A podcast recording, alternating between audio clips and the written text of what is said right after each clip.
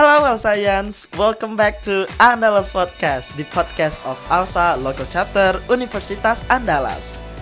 Now this time in episode 3, we will discuss about tantangan ekonomi Indonesia di tahun 2021 with our great guest star Mr. Faisal H. Basri SEMA. He is a major Indonesian economist and lecturer. So without the need for more, let's go for consider the following conversation.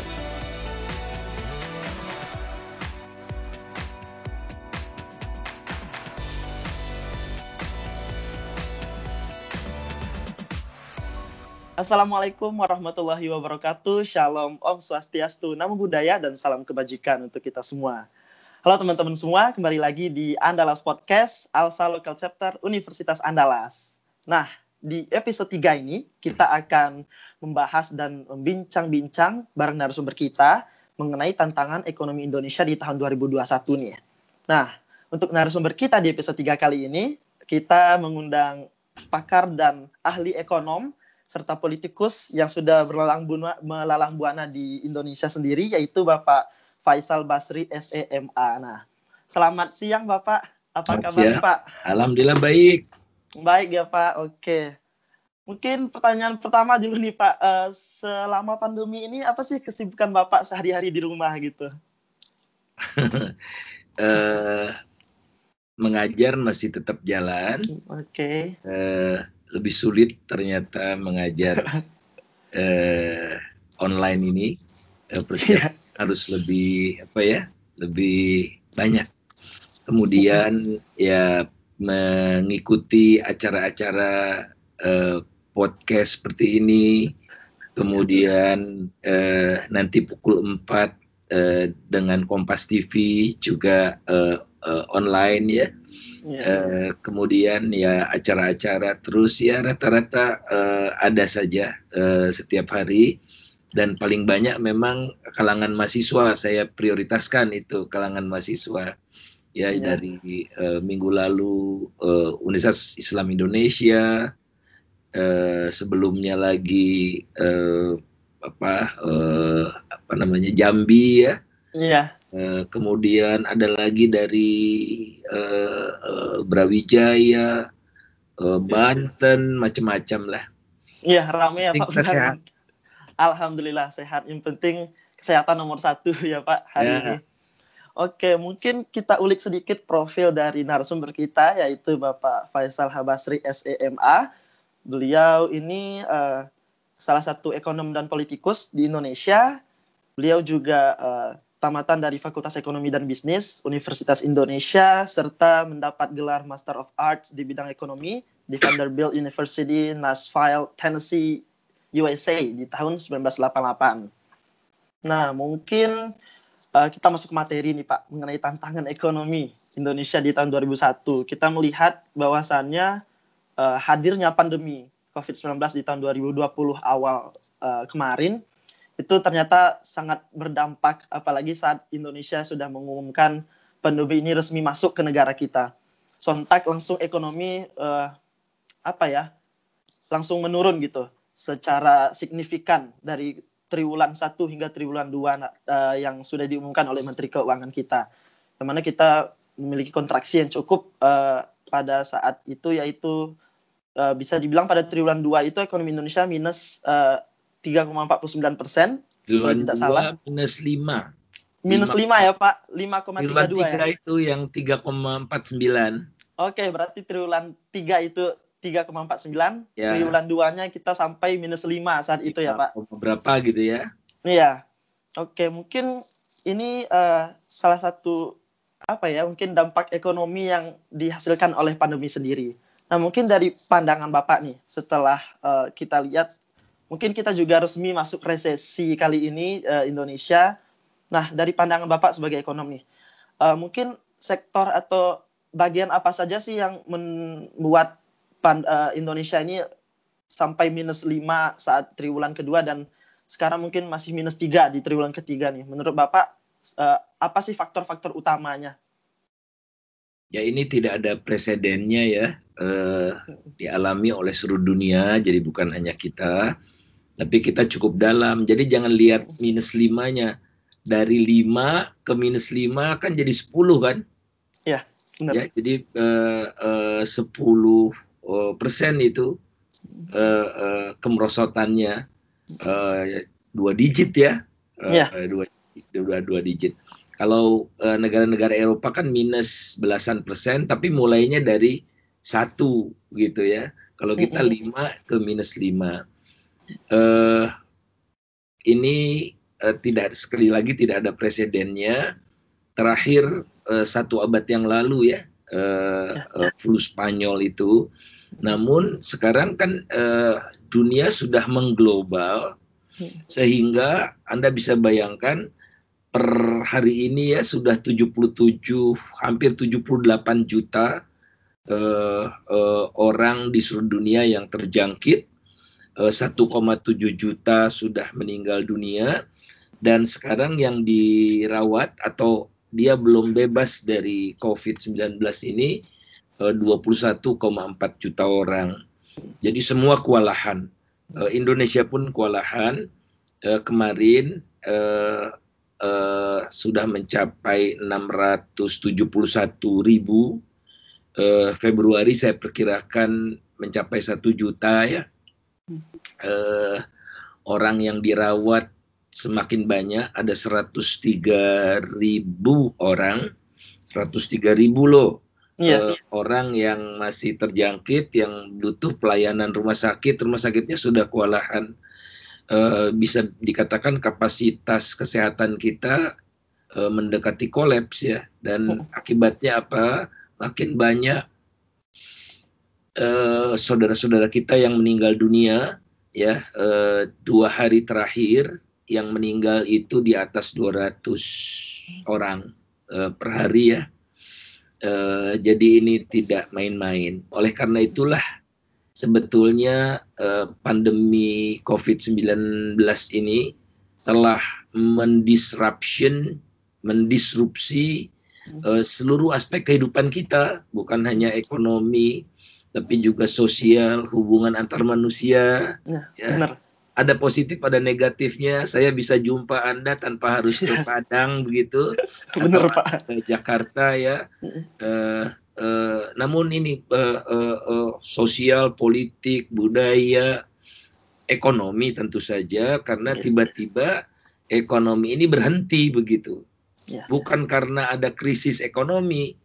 E, misalnya kalau krisis-krisis ekonomi sebelumnya kan disebabkan oleh sektor keuangan, hmm. kehancuran sektor perbankan, kemudian pasar saham anjlok ya, ya, atau karena perang, atau karena bencana alam. Ini tidak. Jadi e, seluruh faktor produksi, seluruh fasilitas produksi eh, baik-baik saja, hmm. tapi dia tidak bisa memproduksi karena apa? Karena orang tidak bisa ke pabrik gitu awalnya ya. Uh, kemudian masyarakatnya juga tidak bisa uh, keluar rumah.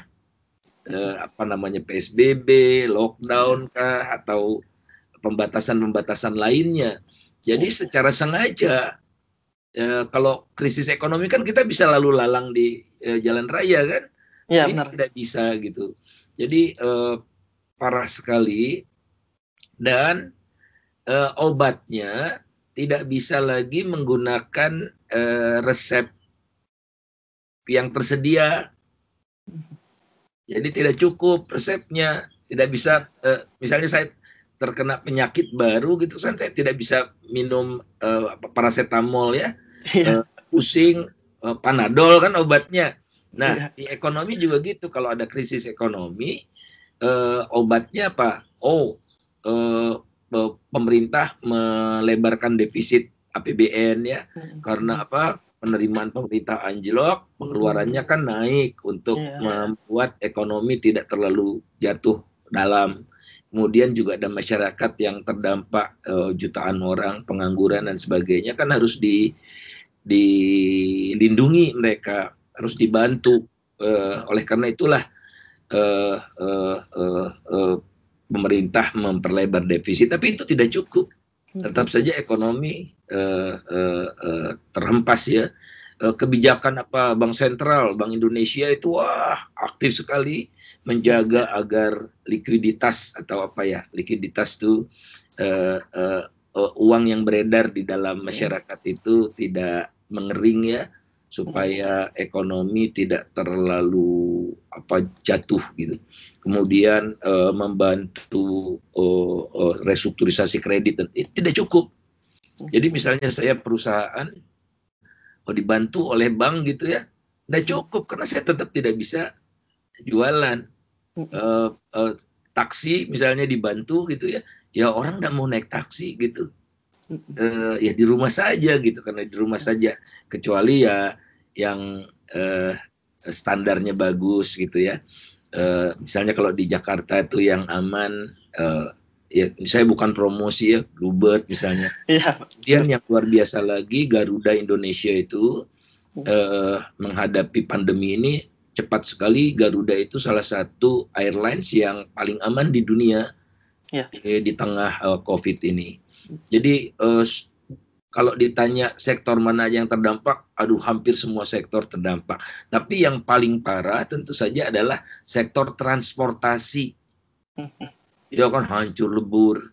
Ya. Kemudian hotel, restoran, ya itu ya. yang uh, uh, uh, uh, uh, double digit gitu ya, belasan persen, bahkan ada yang 20 uh, uh, persen. Ada juga yang dapat rezeki tambahan akibat pandemi ini. Nah, kira-kira apa? Uh, uh, sektor kesehatan. Kita keluar uang banyak ya untuk ya, testing. Kalau ya. untuk rapid test itu yang tidak ada il ilmiah ilmiahnya itu, tes itu 150 ribu saya baru itu ya. Kalau antigen 275 ribu, hmm. kalau PCR lebih banyak lagi. Wah panen mereka. Tapi bukan karena mereka apa ya tamak ndak ya uh, uh, tapi itulah ada yang uh, uh, uh, uh, memperoleh uh, manfaat lebih banyak kemudian apalagi sektor yang uh, kalau industri ya industri obat hmm. semua oh, kita kan menambah ya adik-adik juga uh, perlu diingkatkan daya tahan tubuh menjaga daya tahan tubuh apa, mengkonsumsi suplemen vitamin ya, ya. jangan lupa supaya uh, kalaupun ada yang apa uh, uh, uh, menghadang kita itu kita insya Allah lebih kuat. Nah kemudian uh, yang uh, menarik juga adalah sektor pertanian sampai sekarang itu uh, masih positif. Nah ini kan uh, sebagian besar rakyat Indonesia masih bekerja di sektor pertanian. Nah ini harus dijaga betul uh, agar petani itu uh, uh, tidak semakin terhempas agar mereka bisa terus menghasilkan kebutuhan uh, kita untuk uh, makanan. Jangan sampai di tengah pandemi ini kita sudah jatuh tertimpa tertimpa tangga pula. Pastikan yeah. tidak ada yang kelaparan ya uh, uh, masyarakat ini. Oke. Okay. Oh, mungkin uh, tadi sudah dijelaskan juga oleh Pak Faisal mengenai sektor-sektor yang terdampak cukup signifikan, bahkan ada yang sampai puluhan digit untuk uh, minusnya bahkan. Mungkin uh, apa ya? Mungkin pemerintah juga banyak mengeluarkan seperti stimulus-stimulus fiskal dan lain sebagainya, atau seperti kayak uh, mengikut sertakan peran atau instrumen dari APBN itu sendiri untuk meningkatkan ekonomi. Nah, mungkin menurut Bapak nih dari apa yang sudah di apa ya dijalankan oleh pemerintah atau yang dikeluarkan oleh Kementerian Keuangan serta jajarannya dan secara pemerintah pusat lah gitu.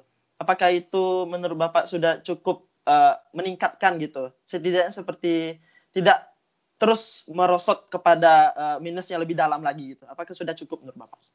Seharus kita akui ya bahwa dari sisi respons tanggapan pemerintah utamanya untuk membantu yang rentan, untuk uh, membantu yang kecil, menengah ya. gitu ya. Itu uh, cukup sigap, harus kita akui itu.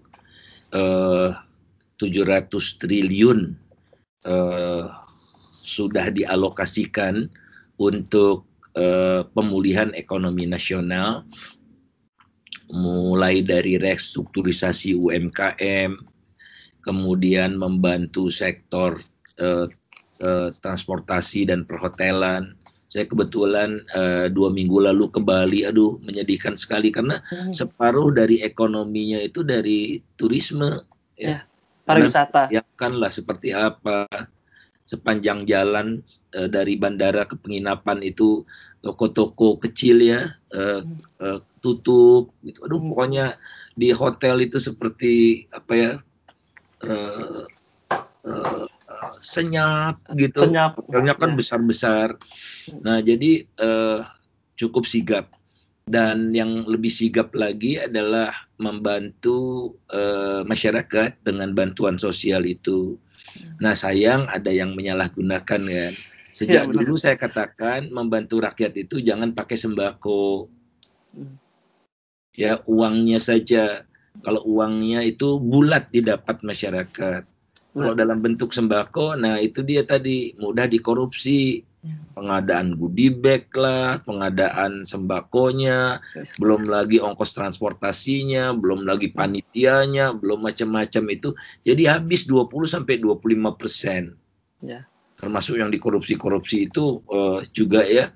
Nah, kalau dikasih tunai uh, uh, utuh dia, tidak ada ongkos transport, tidak ada macam-macam gitu.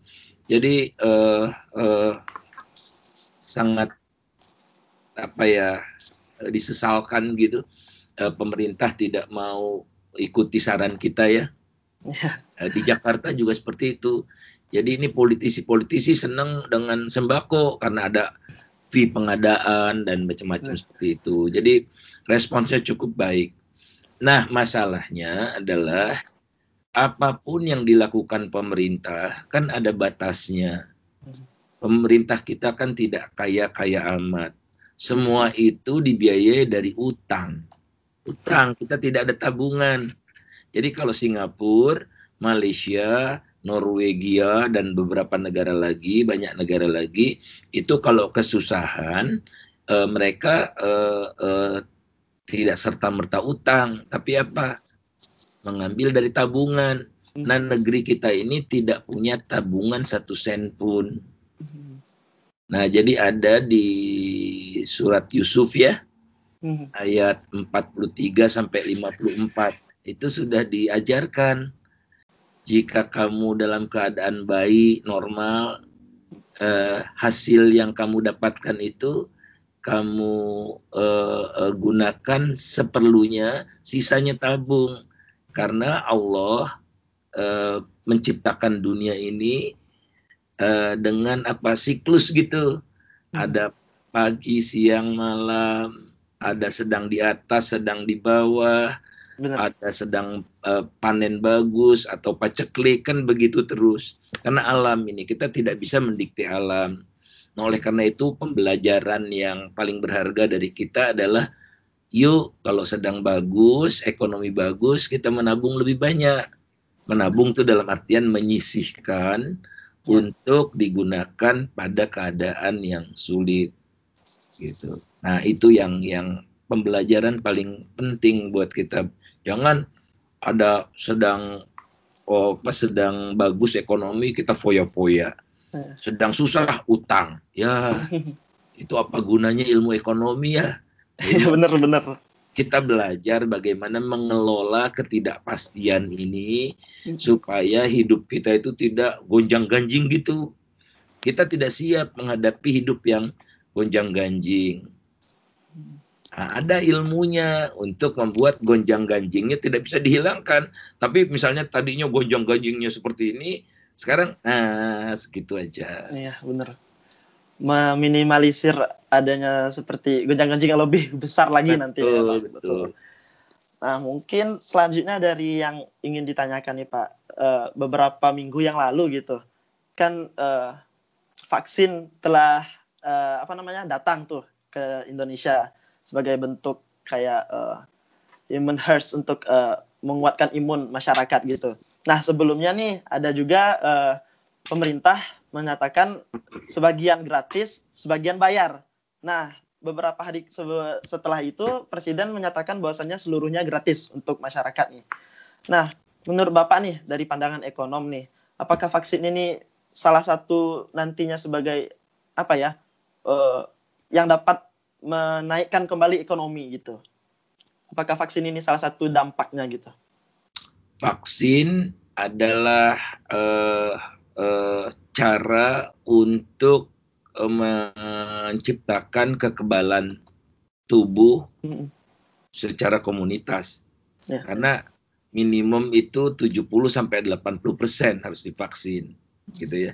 Bayi kan enggak, gitu. Nah jadi terciptalah uh, herd immunity itu. Ya. Jadi kekebalan di dalam masyarakat. Benar. Eh, sehingga kalau misalnya sembilan orang divaksin, satu orang tidak berkumpul gitu, nah insya Allah tidak menyebar gitu kan. Nah, tapi vaksin ini eh, untuk disuntikkan ke manusia harus dipastikan aman gitu. Hmm. Kemudian mujarab, hmm. efikasinya tinggi, tingkat kemanjurannya tinggi gitu ya. Uh, dan sekarang bisa mencapai 90 sampai 95 persen manjur. Tidak ada yang 100 persen ya di ya, dunia benar. ini selalu ada uh, uh, uh, errornya gitu. Hmm. Nah, vaksin yang kita beli itu belum lolos uji tahap 3. Benar, ya. Nah, belum lolos uji tahap tahap 3. Jadi kita harus menunggu. Hmm. Menunggu Kemudian eh, tidak sederhana, mulai dari pabrik sampai disuntikkan ke manusia itu butuh eh, waktu, butuh ada yang menyuntik, ya. Tenaga kesehatan, tenaga kesehatannya sudah 400 meninggal dunia gara-gara COVID. Uh, kemudian uh, daerah kita sangat luas ya, sehingga sistem logistiknya harus canggih dan tidak bisa dibawa dengan sederhana karena butuh apa uh, suhu tertentu macam-macam iya. gitulah ya. Nah jadi uh, jangan menunggu vaksin untuk uh, menghadapi COVID ini. Jadi vaksin dalam tanda petik yang paling mujarab adalah uh, jaga jarak terus gitu, kemudian pakai masker, uh, lantas testing di di teruskan ya. Nah, udah testing itu kita penelusuran kontak itu jalan terus. Nah, kesan saya sekarang uh, ada uh, vaks, ada uh, sudah ada vaksin baru satu jutaan loh. Hmm. Kita kan berapa? Nah, uh, uh, yang upaya-upaya uh, pencegahan harus jalan terus, tidak boleh kita lengah gitu. Nah, jadi uh, karena kalau kalau tidak ongkosnya sangat mahal. Ya. Yang meninggal dunia akan sangat uh, banyak seperti ya tren sekarang ini selalu di atas 200. Hmm. Ingat uh, oleh karena itu uh, penyelesaian krisis ini harus mengutamakan uh, kesehatan. Jadi kalau panglima perang kan jenderal uh, ya.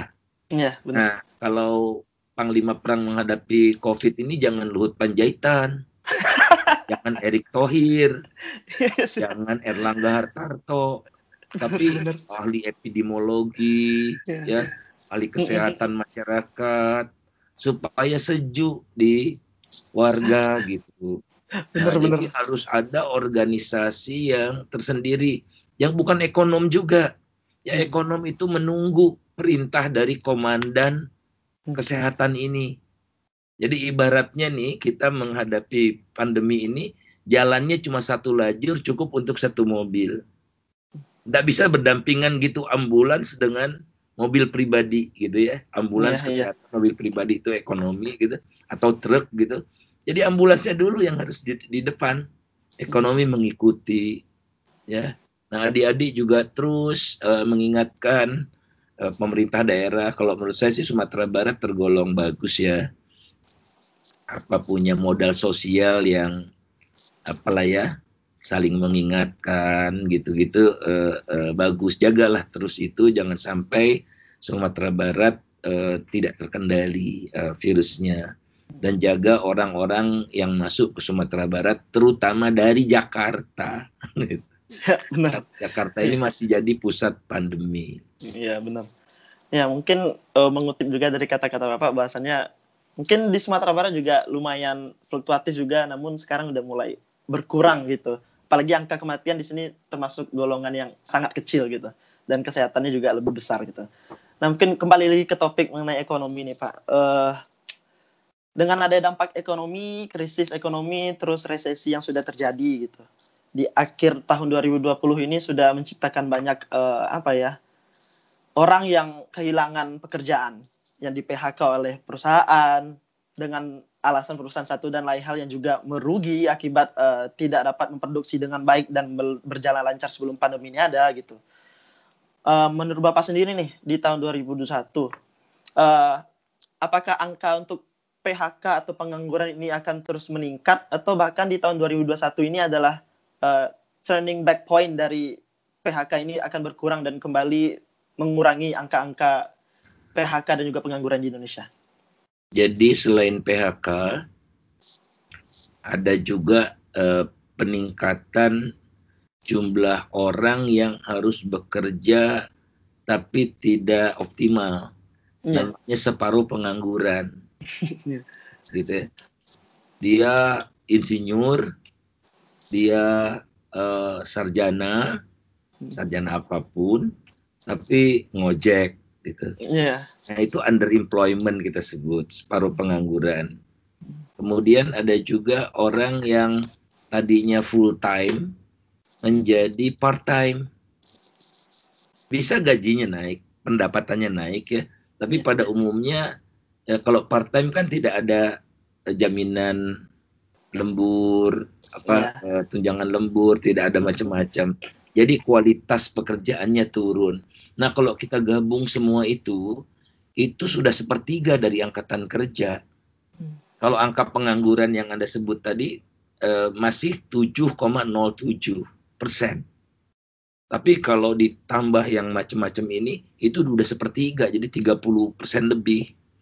Jadi ini eh, kembali kuncinya apa? Kuncinya adalah COVID bisa ya. dikendalikan lagi ujung-ujungnya COVID yang bisa iya. dikendali yang yang uh, harus dikendalikan gitu. Hmm. Karena apa? Sekali COVID bisa dikendalikan, keyakinan masyarakat meningkat, pabrik pabrik-pabrik bisa dibuka, hmm. kantor-kantor bisa dibuka, hmm. restoran uh, uh, aktif kembali, ya, toko-toko uh, uh, uh, beroperasi secara normal, dan itulah yang akan mengembalikan uh, saudara-saudara kita yang sepertiga itu tadi termasuk yang menganggur untuk uh, uh, masuk ke pasar kerja. Namun ada yang tidak bisa kembali karena sudah bangkrut. uh, udah nggak kuat lagi dia gitu. Nah jadi pemerintah harus apa ya harus jeli melihat ini dan kembali kuncinya adalah COVID. Nah, mungkin udah dijelaskan juga oleh Pak Faisal Basri bahwasannya apa pun masalah ekonomi yang timbul ujung-ujungnya adalah harus mengendalikan COVID ini terlebih dahulu sebagai salah satu sumber paling gede dalam hal yang ekonomi kita terjerembab sampai minus 5 pada kuartal 2 kemarin ini. Nah, mungkin pertanyaan selanjutnya juga nih Pak. Uh, kita di 2021 beberapa hari lagi akan memasuki 2021 nih dan tentunya nantinya uh, ada juga penghitungan audit uh, dari negara dan penghitungan triwulan pertama nantinya di 2021. Menurut Bapak nih, apakah optimis nih di kuartal atau di triwulan pertama ini kita dapat keluar dari zona negatif gitu? Uh, aduh maaf ini saya uh, hitung-hitungan saya sebelum triwulan satu tahun depan ya maksudnya ya. Iya. Empat dulu kan? Ini triwulan okay. 4 kan sudah hampir berakhir. Iya benar. Nah, triwulan 4 ini masih minus. Oke. Okay. Masih minus. Triwulan 1 tahun depan juga masih minus. Jadi paling cepat kita itu keluar dari resesi atau triwulan 4 tahun ini itu kan artinya Oktober, November, Desember yang satu yeah. minggu lagi habis itu yeah. masih minus ya mendekati dua persen ini perkiraan ya bisa salah saya saya saya saya saya, saya, saya salah ya Iya nggak apa-apa. Kemudian uh, triwulan satu tahun depan juga masih minus, tapi minusnya itu sudah mendekati nol.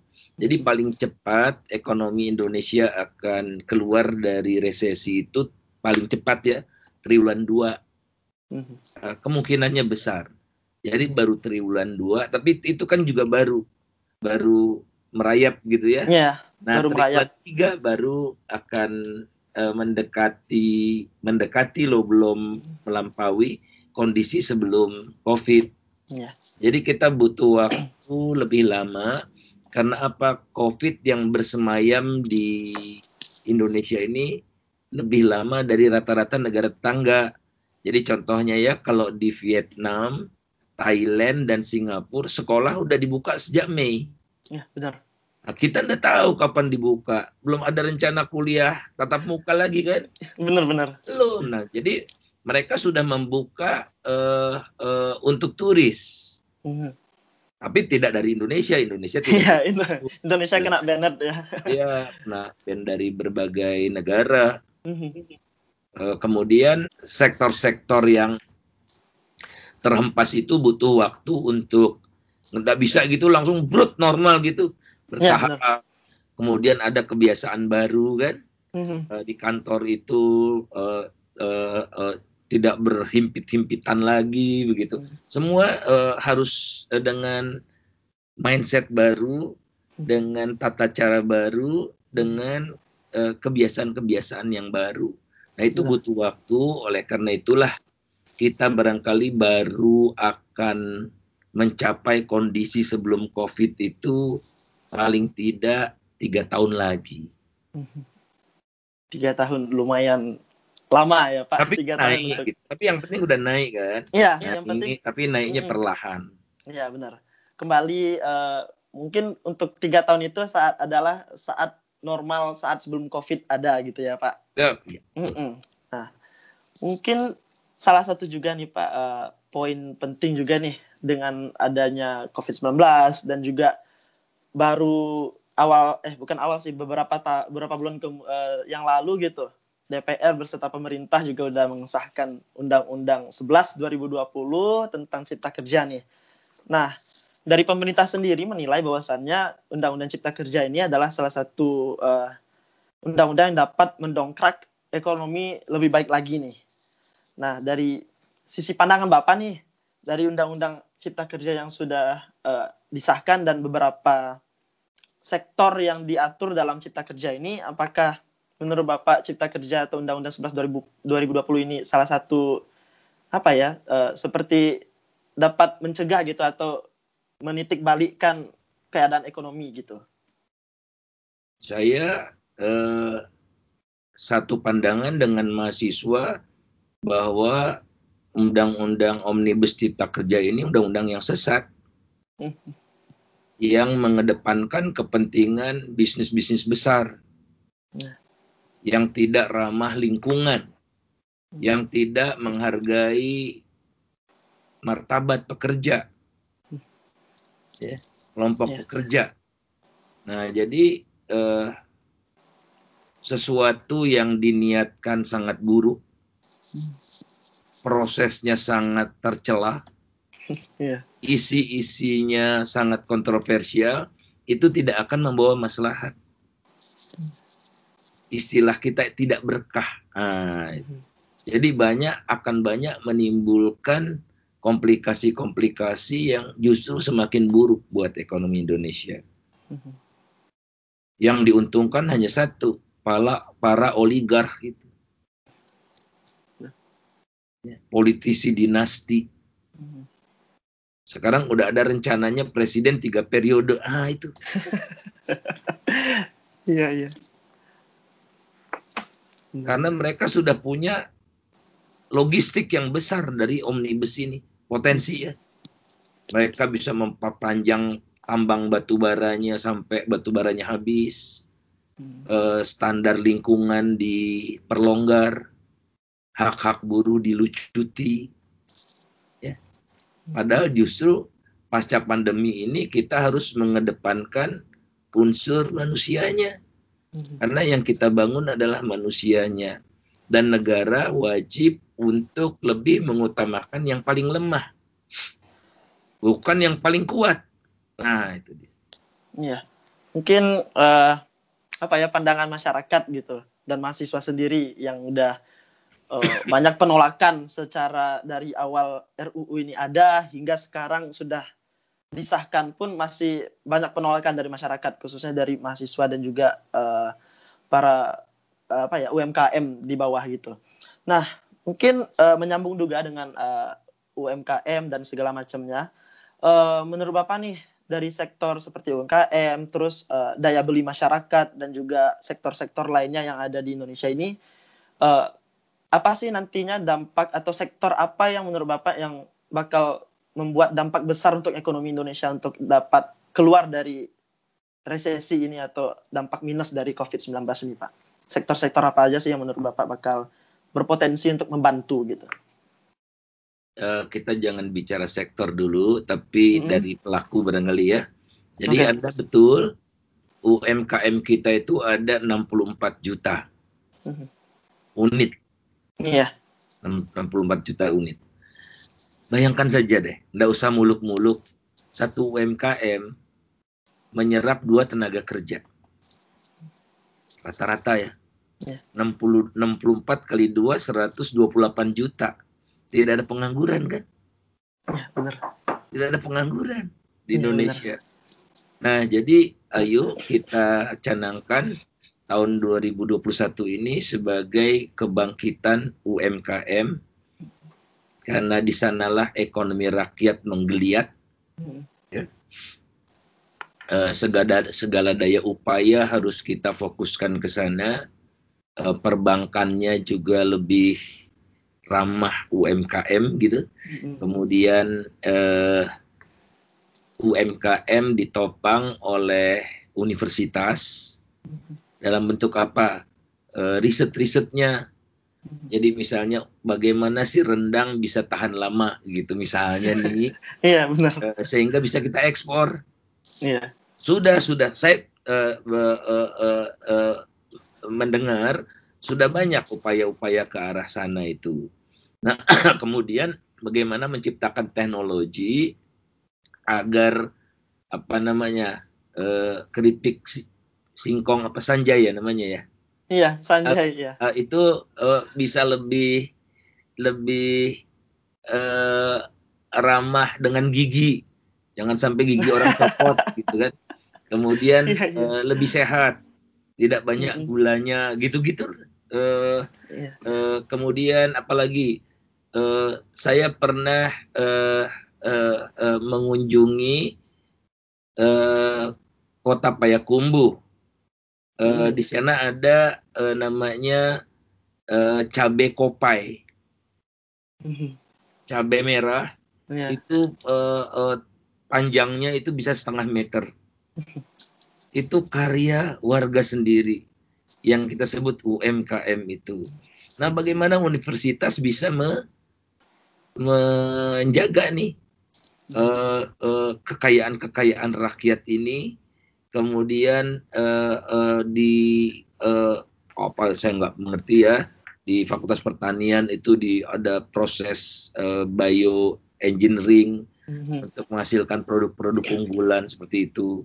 Kemudian bagaimana kopi dari apa uh, Bukit Tinggi itu yang kopi arabica itu bisa uh, mendapat apa namanya mendapat uh, sertifikasi dalam hal lingkungan Lantas saya juga pernah ke desa atau apa namanya bukan desa ya apa?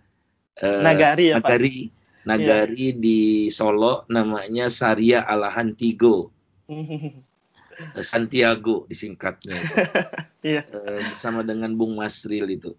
Nah di situ uh, uh, uh, berkembang yang namanya uh, uh, padi uh, beras hitam ya. Beras, bukan beras coklat loh beras hitam iya. bukan juga uh, uh, ketan hitam bukan. Hmm. beras hitam yang ada khasiatnya dan sebagainya dan sebagainya dan itu uh, ditanam secara organik. Nah, itu laku luar biasa. Nah jadi kita punya unggulan-unggulan gitu ya. Uh, Solo punya apa, Payakumbuh punya hmm. apa, uh, terus semua seperti itu. Karena uh, uh, uh, uh, di belakangnya itu ada kekuatan luar biasa dari kampus yang terdiri dari mahasiswa dan dosen. Hmm. Belum lagi yang lain-lain ya. Hmm. Jadi ayo kita uh, tekadkan secara bulat untuk menjadikan UMKM ini ujung tombak uh, kemakmuran bangsa dan kesejahteraan rakyat. Oke, benar juga kata Pak Faisal Basri bahwasannya UMKM ini salah satu sektor yang membangun ekonomi Indonesia lumayan cukup signifikan gitu ya karena geliat ekonomi berasal dari yang kecil-kecil dulu seperti UMKM dan menghasilkan apa ya surplus untuk negara gitu. Nah mungkin terakhir nih uh, dari sesi uh, wawancara kita nih Pak di Andalas Podcast episode 3 ini, mungkin uh, pesan Bapak gitu untuk masyarakat mungkin atau mahasiswa tentunya gitu. Untuk menghadapi 2021 ini uh, seperti apa sih di pandangan Bapak sebagai ekonom hal-hal apa yang perlu kita lakukan gitu supaya di 2001 uh, lebih much better lah daripada 2020 yang sangat dilematis gitu? Uh, pertama tentu saja jaga kesehatan ya, jaga kesehatan, pola hidup yang sehat, pola hidup yang sehat itu penting. Saya juga kan pernah mahasiswa ya rada ugal-ugalan ya. gitu ya. iya, Pak. Belajar uh, menjelang ujian ndak uh, tidur gitu ya oh, kemudian pas ujian ya apa terkapar gitu jadi eh, eh, janganlah tiru eh, cara-cara seperti itu kemudian yang kedua eh, generasi muda generasi milenial generasi Z atau pokoknya yang muda-muda inilah. Kan ujung tombak untuk membuka pintu gerbang Indonesia emas. Saya barangkali kan sudah tidak ada. Ya generasi saya sudah hilang. Nah, adik-adik inilah yang jadi uh, uh, uh, penggerak utama untuk membuka pintu gerbang itu. Oleh karena itu, lebih aktiflah menyampaikan pandangan-pandangan kalian tentang masa depan Indonesia karena kalian yang akan melakoninya hmm. gitu ya hmm. ketiga bekerja sama sesama mahasiswa kolaborasi hmm. ya tadi kita banyak UKM segala macam itu fakultas hukum. Ada fakultas ekonomi ada yeah. fakultas tekniknya ada fakultas pertaniannya kolaborasi hmm. ya jadi nanti kalau ada apa-apa ya aktivis-aktivis kami juga kan saya banyak di Sumatera Barat ya. E, banyak ada yang di penjara itu. Hmm. Karena di Bukit Tinggi ya, e, saya e, mendatangi penjaranya karena dikriminalisasi hmm. dalam upaya-upaya yang sebetulnya e, dalam tanda petik mulia begitu ya.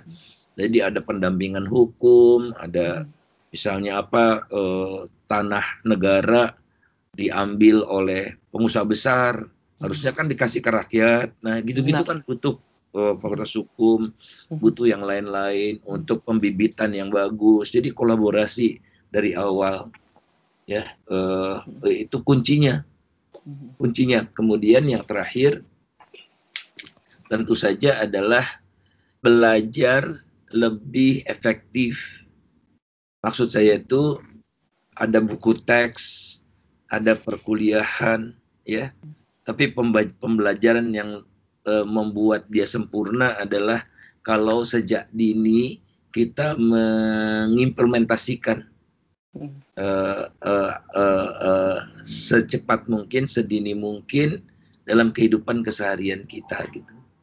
Insya Allah adik-adik bakal jadi orang-orang uh, yang sukses di kemudian hari dan memberikan maslahat kepada rakyat banyak.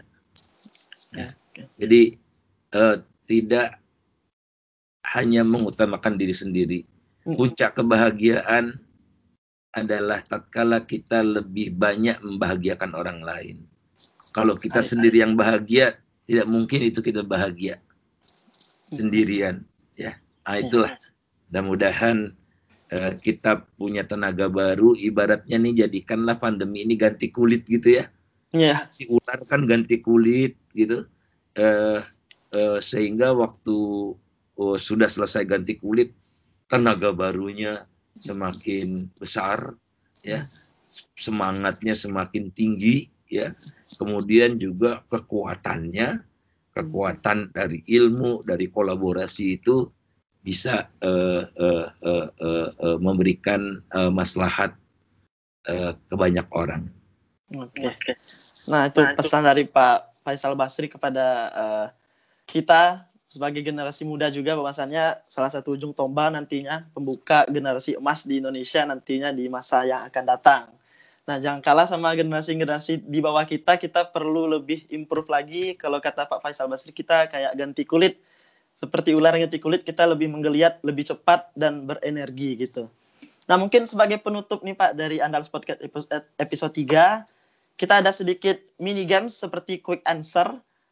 Nah, mungkin kita bakal memberikan dua dua pilihan kepada Bapak dan nanti Bapak memilih salah satu gitu yang menurut Bapak yang Bapak sukai gitu ya. Ada 10 pertanyaan untuk mini game kali ini Pak. Mungkin Bapak boleh jawab nanti yang menurut Bapak uh, Bapak pilih dan Bapak sukai gitu. Mungkin kita mulai aja nih Pak untuk uh, refreshing sedikit gitu setelah kita membahas mengenai ekonomi yang cukup berat ini uh, temanya. Mungkin pertanyaan pertama untuk Bapak itu Bapak ini tim bubur diaduk atau bubur tidak diaduk nih? Bubur diaduk. Nah, bubur diaduk ternyata Pak Faisal Basri ya teman-teman. Nah. nah, yang kedua nih, tim nasi padang atau sate padang? Sate padang. Sate padang. Oke, kita beralih ke sepak bola nih Pak. Barcelona atau Real Madrid? Real Madrid. Real Madrid, mantap. Nah, selanjutnya liburan di dalam negeri atau di luar negeri? Di dalam negeri. Dalam negeri. Nah, pilih lagi nih Pak, sepak bola atau bulu tangkis?